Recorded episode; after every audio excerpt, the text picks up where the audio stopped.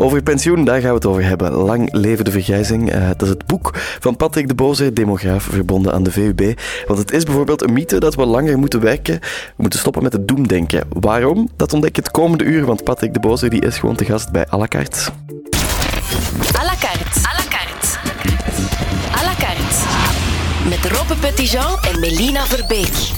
Patrick de Bozere, welkom in à la carte. Ja, Robbe die is 26, hij is de jongste hier uh, in de studio van ons drieën. Gaat hij nog een pensioen hebben? Ongetwijfeld. Yes. Pensioen ja. voilà, dat is al een geruststelling. Want je bent een demograaf. Wat, wat doet een demograaf eigenlijk? Wel, demografie is eigenlijk wat men noemt de leer van de bevolking. Men bestudeert bevolkingen, evoluties van bevolking. Wat is dat dan? Geboorte, sterfte, samenstelling van die bevolking, vergrijzing. Dat zijn allemaal aspecten van demografie. En die zijn interessant of belangrijk omdat die gebruikt worden bijvoorbeeld bij het beleid, ook bij planning. Gaat men, wat zijn de evoluties in de bevolking? Is belangrijk om te weten, moeten we bijbouwen. Bijvoorbeeld de groei van de Brusselse bevolking had een gigantisch impact op de vraag naar scholen, kleuterscholen. Ja, heel zichtbaar. En, uh, wij hebben eigenlijk vrij vroeg gesignaleerd dat het belangrijk was om te beginnen met die scholenbouw. Dus dat is, de demografie kan daar een insteek hebben. Natuurlijk Jij zit eigenlijk het beleid volgen. constant met je neus op cijfers. Ja, dat is eigenlijk een belangrijk onderdeel van. Maar het zijn niet alleen cijfers. Je moet die cijfers ook kunnen plaatsen. Ja, uiteraard. En dat is heel belangrijk. Demografie is niet alleen een abstracte wetenschap die alleen naar de cijfers kijkt, maar wel naar de mensen die achter die cijfers zitten. Ja, en wat we daaruit kunnen leren. Um, ja, onder andere levensverwachting, hè, die stijgt. En dat is dan inderdaad de start van het hele vergrijzingsverhaal of van, van het pensioensverhaal ook. Ja, de overgrote meerderheid van de mensen is ervan overtuigd, langer leven is langer werken. En jij bent zowat de enige die daar tegenin gaat, denk ik. Maar het meest verbazingwekkende is natuurlijk dat we in een maatschappij leven die altijd maar rijker wordt.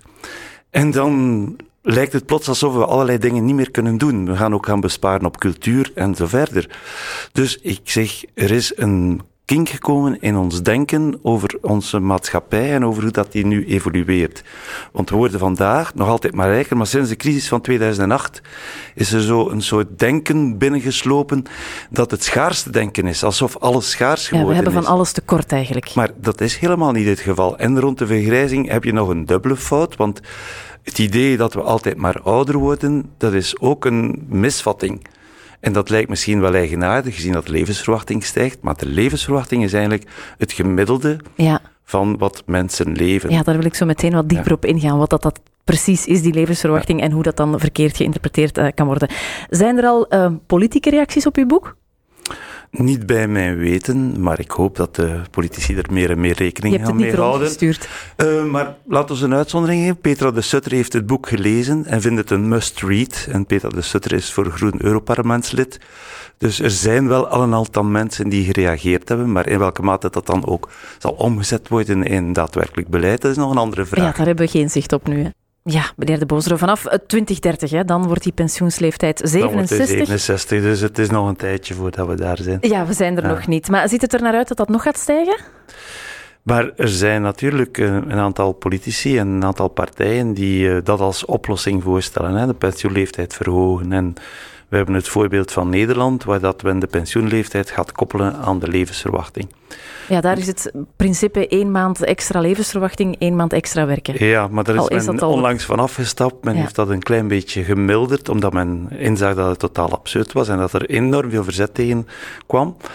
Eh, vanuit de vakbeweging, maar zelfs bij werkgevers zie je dat ze dat niet zien zitten. Slechts 15% van de Nederlandse werkgevers ziet het zitten dat mensen na een 65ste blijven werken. En 47% heeft zich in een enquête uitgesproken ertegen, omdat op de werkvloer natuurlijk heel wat mensen het werk niet meer aankunnen. Dus het is redelijk absurd van dat verder te blijven duwen. En dat gaat uit van een opvatting alsof mensen eeuwig jong blijven. Terwijl 65 vandaag is eigenlijk niet verschillend van 65, 20 jaar geleden of 40 jaar geleden. Het is niet dat we er fitter op worden. We worden er niet fitter op. Het verouderingsproces blijft voor iedereen hetzelfde. Alleen zit daar een grote spreiding op. Sommige mensen zijn nog bijzonder fit. En tot hun tachtigste gaan ze nog in de tuin werken en zo. Dus sommige mensen gaan ook nog joggen en zo. Dat, dat kan maar dat allemaal. gaat dan over het individu. Maar 20% van onze bevolking is op de leeftijd van 50. Ja, 50 is 20%. Niet alleen in België trouwens, in, in Europa. Is eigenlijk, uh, heeft functionele beperkingen die het werken moeilijk maken. Dus 1 op 5 op dat moment al. Dus laat staan op 65 jaar. Ja, met andere woorden, je had al één misvatting het verouderingsproces? Of we verouderen nog altijd op dezelfde manier? We verouderen nog essentieel op dezelfde manier. We, zijn er een beetje misleid door dat idee van die levensverwachting die altijd maar toeneemt. Dat is geweldig dat die levensverwachting is toegenomen. Hè. Die is verdubbeld van 40 jaar in 150 jaar geleden naar nu meer dan 80 jaar in België. Dat is overal in de wereld het geval. Je ziet dat die levensverwachting overal toeneemt. Maar wat betekent dat? Dat betekent vooral dat we alle mensen de kans geven om oud te worden. Dus we hebben niet alleen de kindersterfte teruggedrongen, want in België rond de Eerste Wereldoorlog, één op vijf kinderen haalde de leeftijd van vijf jaar niet. Dus dat was natuurlijk een enorm verschil in levensverwachting, want dus dat gemiddelde wordt enorm naar beneden getrokken. Maar dat hebben we voor een groot stuk opgelost. Maar ook de vroegtijdige sterfte, kan je zeggen, voor de leeftijd van 65, 80 jaar, alles wat daarvoor ligt, is altijd maar verder teruggedrongen. We zijn altijd beter geworden om mensen te garanderen dat ze Dat ze een volledig leven. leven zullen hebben. En in die zin kan je zeggen dat we worden niet altijd maar ouder, maar we worden met heel veel oud. Dus iedereen krijgt de kans om oud te worden. En dat gemiddelde stijgt. Maar we worden wel oud. Ja, dat kunnen we inderdaad niet terugdraaien. Ja, daar hebben we nog altijd geen eh, middeltje voor gevonden om dat tegen te gaan. Er zitten heel veel cijfers hè, in het boek. Ehm, welke moeten we vooral onthouden? Ik probeer niet te veel cijfers, maar alleen de cijfers die echt noodzakelijk zijn om- inzicht te verkrijgen. En eh, de bedoeling is vooral dat mensen zelf leren nadenken aan de hand van die cijfers. Dus die cijfers, die verwijs ik ook altijd waar die vandaan komen. En het komt erop aan, niet dat je ergens een cijfer moet gaan onthouden, maar wel dat je probeert inzicht te krijgen in de mechanismen die er zijn. De processen die er zijn, hoe dingen evolueren. Alles verandert voortdurend. Dus die cijfers zullen maar zo lang geldig blijven als ze zijn. Maar ze geven je wel een idee van wat, hoe zit dat nu in elkaar? Wat zijn de verhoudingen bijvoorbeeld? Ja, En bijvoorbeeld iets dat je kan onthouden, wat is de toekomende kost van de vergrijzing? ja, dat is die 4,2 procent van het bruto binnenlands bijvoorbeeld, product. hè? Dus het is vanzelfsprekend als we allemaal ouder worden, dat er inderdaad meer ouderen gaan zijn. Dus de proportie ouderen gaat stijgen. Nu zitten we ongeveer aan 1 op 5 Belgen die ouder is dan 65 jaar. En we gaan naar 1 op 4. Dus we gaan van ongeveer 19% en half gaan we naar 24% van de bevolking die ouder dan 65 jaar is. Dus als er daar zoveel procent bij komt, dan En over hoeveel tijd spreken we dan? In de komende 20 jaar, hè, dus tegen 2040 ongeveer, zullen we aan 24,2 procent. We weten dat al omdat dat ingebakken zit in de structuur van de bevolking. Die mensen zijn er al, dus die kunnen die, die verouderingscijfers zo'n groot stuk berekenen. Eh, dus we weten dat we meer geld zullen moeten uitgeven voor vergrijzing en voor pensioenen. Dat, dat staat als een paal boven water. Ja, daar is iedereen het over eens. Daar gaan we niet Maar over dan is de vraag, is die 4% veel? En ja, die 4% is natuurlijk veel. Als je dat in miljarden uitdrukt, en 4% is niet niks van het bruto binnenlands product. Hoeveel is wat in miljarden? Wel, vandaag is het bruto binnenlands product voor de vuist weg zo ongeveer 400 miljard. Dus 4% van het bruto binnenlands product is ongeveer 16 miljard. 400 miljard, dat is alles wat we in een jaar produceren aan goederen en diensten. Dat is eigenlijk het bruto binnenlands product. En dat aandeel daarvan naar de vergrijzing zal dus stijgen met die 4%. Maar dat is geleidelijk over een periode van 20 jaar. Dat wil zeggen dat er jaar na jaar komt er 0,2% ongeveer bij aan kosten die we moeten uitgeven voor pensioenen.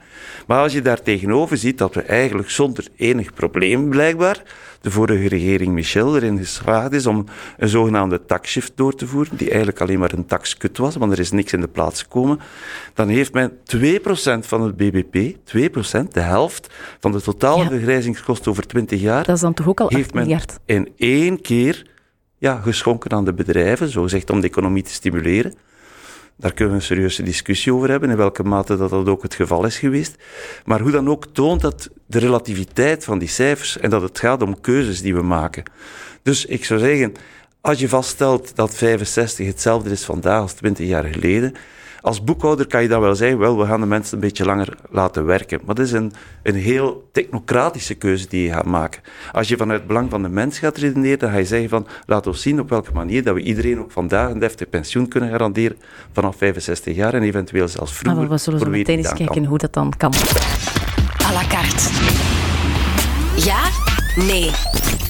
Ja, weg met nuance nu, Patrick de Bozere. Ja of nee? Zou jij het eeuwige leven willen? Nee. Ehm, ga ik moeten werken voor jouw pensioen? Ja, Dat doe ik al waarschijnlijk. Economie is er voor de mens en niet omgekeerd. uiteraard. Met geld koop je geen hoge leeftijd. Eh, nee, met geld koopt je... Nee. dus... eh, Het politieke debat rond de vergrijzing is te emotioneel. Mm, hm, nee. Nee, waarom niet? Het is niet te emotioneel, omdat het uh, op de eerste plaats te maken heeft met belangen, met financiële belangen. En de manier waarop het binnengebracht is geworden, is te maken met mensen die onze ons denken over economie en over maatschappij willen veranderen. En dat zijn zeer fundamentele vraagstukken. En er kunnen natuurlijk emoties bij te pas komen wanneer dat je pensioenleeftijd plots iets verhoogd wordt op het moment dat dan je plannen je kwaad. hebt. En dus dan worden mensen kwaad en daar heeft het met emoties te maken. Maar de basis heeft te maken met een belangenstrijd en met de manier waarop we onze maatschappij willen inrichten. Dan hoor ik eigenlijk het politieke debat is misschien te monetair. Het gaat te veel over centen. Wel, het is toch wel opmerkelijk dat iets dat een succesverhaal is, namelijk dat we altijd maar ouder worden met meer mensen, hè, dat is in feite wat dat we altijd gewild hebben, namelijk ziekte en dood beter onder controle houden. Dus we geven de mogelijkheid nu aan veel mensen om wat dat we altijd in de sprookjes hebben, hè, een lang en gelukkig leven. En dat gelukkig wordt nu plots weggenomen, want men maakt nu mensen ongelukkig door te zeggen, ja maar je gaat er nu wel hard voor moeten werken en nog langer moeten blijven voor werken.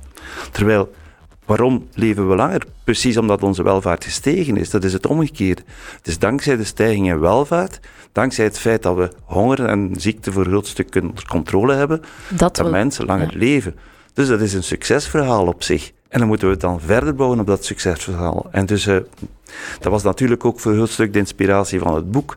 Dat die eigenaardigheid van het feit dat we eigenlijk vooruit gegaan zijn en dat we plots alsof niks meer gaat. En dan ja, want in, in jouw boek schrijf je ook, ja, een hogere levensverwachting is te danken aan die solidariteit, aan het betalen van belastingen, aan een sociaal uh, systeem. Is het dan mogelijk dat de levensverwachting weer achteruit zou gaan als die solidaire mechanismen in onze samenleving wegvallen? Ja, ik denk dat dat een heel belangrijk inzicht is. Dus het feit dat we langer leven, heeft maar voor een klein stukje te maken met geneeskunde, als je wil. Geneeskunde, technologische vooruitgang, is uiteraard een belangrijk onderdeel ervan. Maar het is de herverdeling geweest van de vooruitgang in welvaart die gemaakt heeft dat iedereen kan deelnemen. Dat we dus met meer mensen Iedereen kan deelnemen aan die welvaart. En de levensverwachting vertaalt eigenlijk dat gemiddelde voor de bevolking. En dat betekent inderdaad dat als je dat gemiddelde slecht begint te spreiden, dat het omgekeerde kan plaatsvinden. En er zijn twee landen in de geïndustrialiseerde wereld waar de levensverwachting achteruit gegaan is de laatste jaren. De Verenigde Staten en het Verenigd Koninkrijk niet toevallig de twee landen die eigenlijk het neoliberale denken het verst hebben doorgedreven. En die een beetje aan de voor- en voorlinie liggen van dat omturnen, dat omvormen van onze maatschappij op een neoliberale leest. Ja, nog een persoonlijke vraag. Wanneer wil je zelf graag stoppen met werken? Wat lijkt jou een goede pensioensleeftijd? Dat is afhankelijk van elke persoon. Ik denk, uh, voor, zelf, voor, voor, jou persoonlijk? voor mij, ik ben nog altijd aan het werken en ik ben de 65 nu voorbij. Omdat het werk dat ik doe, ik vind het heel boeiend, maar ik werk dat natuurlijk wel niet voor, voor jouw boek, hè? Toch wel, want mijn boek zegt niet dat je moet uh, stoppen met werken wanneer dat je zin hebt om te werken. Mensen die een boeiend werk hebben, kunstenaars, wetenschappers, die gaan met plezier langer blijven werken. Het punt is dat we mensen niet moeten dwingen om langer te werken. En de meeste werken, mensen werken om de broden. En soms doen ze werk dat ze graag doen, met veel overtuiging. Maar zelfs een verpleegster die met veel overtuiging altijd haar werk heeft gedaan, op een bepaald moment, wanneer haar rug gebroken is van het tillen van patiënten, wanneer als ze moe wordt, dan zegt ze van ik wil het wel wat rustiger aandoen. En dan moet je mensen de kans geven om vroeger te stoppen op het moment dat dat ze nog gezond zijn en dat ze ook nog kunnen genieten van de rest van hun leven. Ik hoor heel veel zorgzaamheid. Ja, langer werken is niet nodig, uh, schrijft u Patrick de Bozere. Maar stel dat ik nu zeg, ja, Voert, ik wil helemaal niet werken tot mijn 67, zo, zoals uh, de regering dat heeft voorzien vanaf 2030. Wat kan ik dan doen? Moet ik dan pensioen sparen bijvoorbeeld? Maar je kan allerlei individuele strategieën volgen natuurlijk. Hè. Maar het punt is, en dat probeer ik in mijn boek uit te leggen, het gaat niet om een individuele strategie. Het gaat erom hoe dat we samen aan die samenleving uh, kunnen werken en maken dat iedereen kan kiezen om vroeger te stoppen met werken als je het niet meer aan kan bijvoorbeeld. En er bestaan alternatieven. Hè. Je, je hoeft niet altijd uh, je blind te staren. Uh, bijvoorbeeld de verhoging van de pensioenleeftijd. Dat is interessant. Er was een rapport van de OESO, e een paar dagen geleden nog maar, dat voorstelde om die pensioenleeftijd in België verder te verhogen en te koppelen aan de levensverwachting. En zelf in hun berekening zou dat een besparing opleveren om te koppelen aan de levensverwachting tot 2070 van 1% van het bruto binnenlands product. En dan zeg je, waarom is dat maar zo'n kleine besparing? Wel, omdat een groot deel natuurlijk van het geld dat je aan pensioenen besteedt, dat verdwijnt in een groot gat. Dat geld wordt gebruikt om terug in de economie te komen. Dus mensen die een pensioen krijgen, die hebben meestal niet zoveel marge omdat daar ja, dat ga je niet meer opzij zetten. voor een nee, huis. Hè? Dat, nee, dan gebruiken die dat. En dat komt direct terug in de economie. Dus dat idee dat mensen die een pensioen krijgen, dat die dan plots een last worden. Nee, die stimuleren ook op hun beurt de economie. En indien dat een economie armlastig is, dat we dus nog te maken hebben met een economie die heel, ja, heel primitief is, dan is het vanzelfsprekend dat je daar moeilijkheden mee hebt om iedereen om te zeggen, brood te geven en een dak te geven. Maar onze economieën zijn rijke economieën geworden, zijn rijpe economieën geworden, die een overdaad aan producten hebben. En dan zie je dat bijvoorbeeld de automobielmarkt nu deze maand in Europa 7% minder verkoopt dan vorig jaar, omdat de automobielmarkt is gewoon verzadigd. Dus we hebben allemaal al een auto. Iedereen of we heeft een auto, dus het gaat om vervangingswagens. In België zijn er meer dan 7 miljoen wagens op 11 miljoen inwoners. Dus hoe ga je daar nog zoveel wagens bij verkopen? Nee, alleen vervanging. En dus moet je dat gaan stimuleren. Maar ik wil even naar, naar uw oplossingen dan voor uh, de vergrijzingskost. Ik ga het nu even gemak, gemakkelijkheidshalve zo noemen. Feit is natuurlijk wel dat die stijgt, die pensioenskost.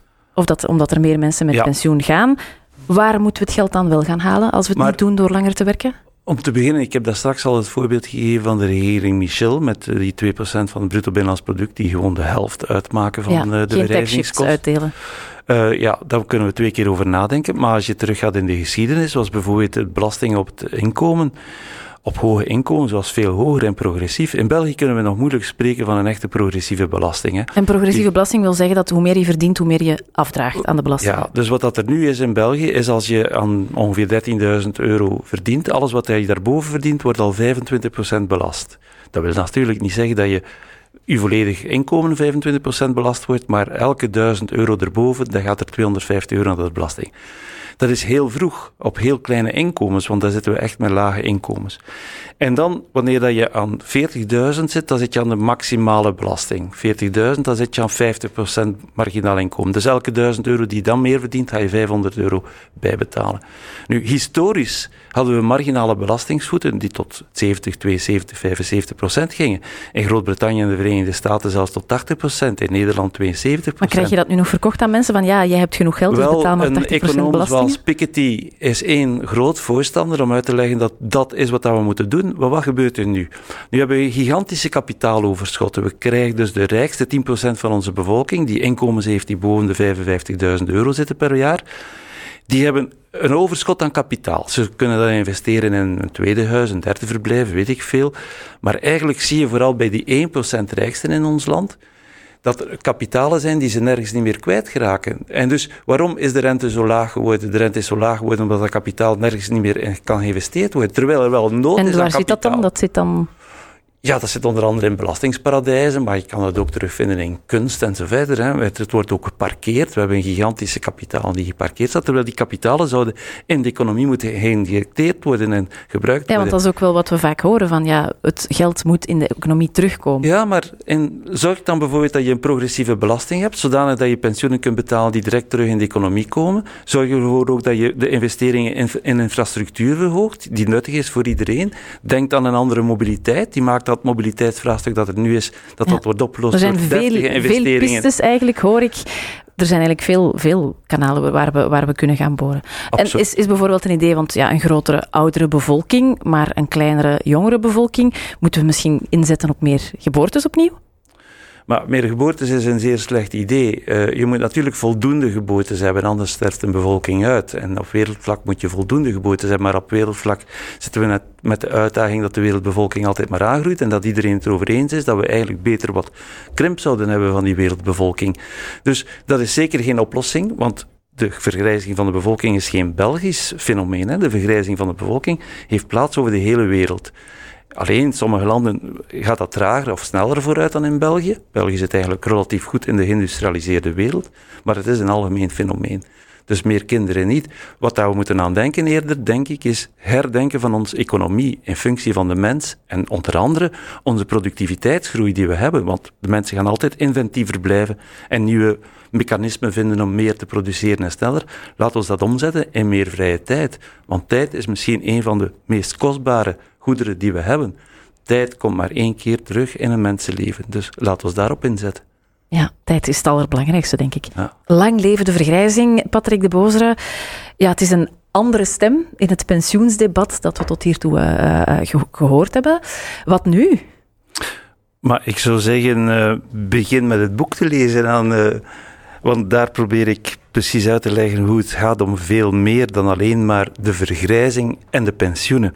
Vandaar dat de foto op het boek de foto van een baby is. Ja, het is een baby inderdaad. Hè? Het is geen oude man of vrouw. Het is niet alleen om het contrast te geven met die vergrijzing, maar het is om het idee, het gaat over de mens en de maatschappij.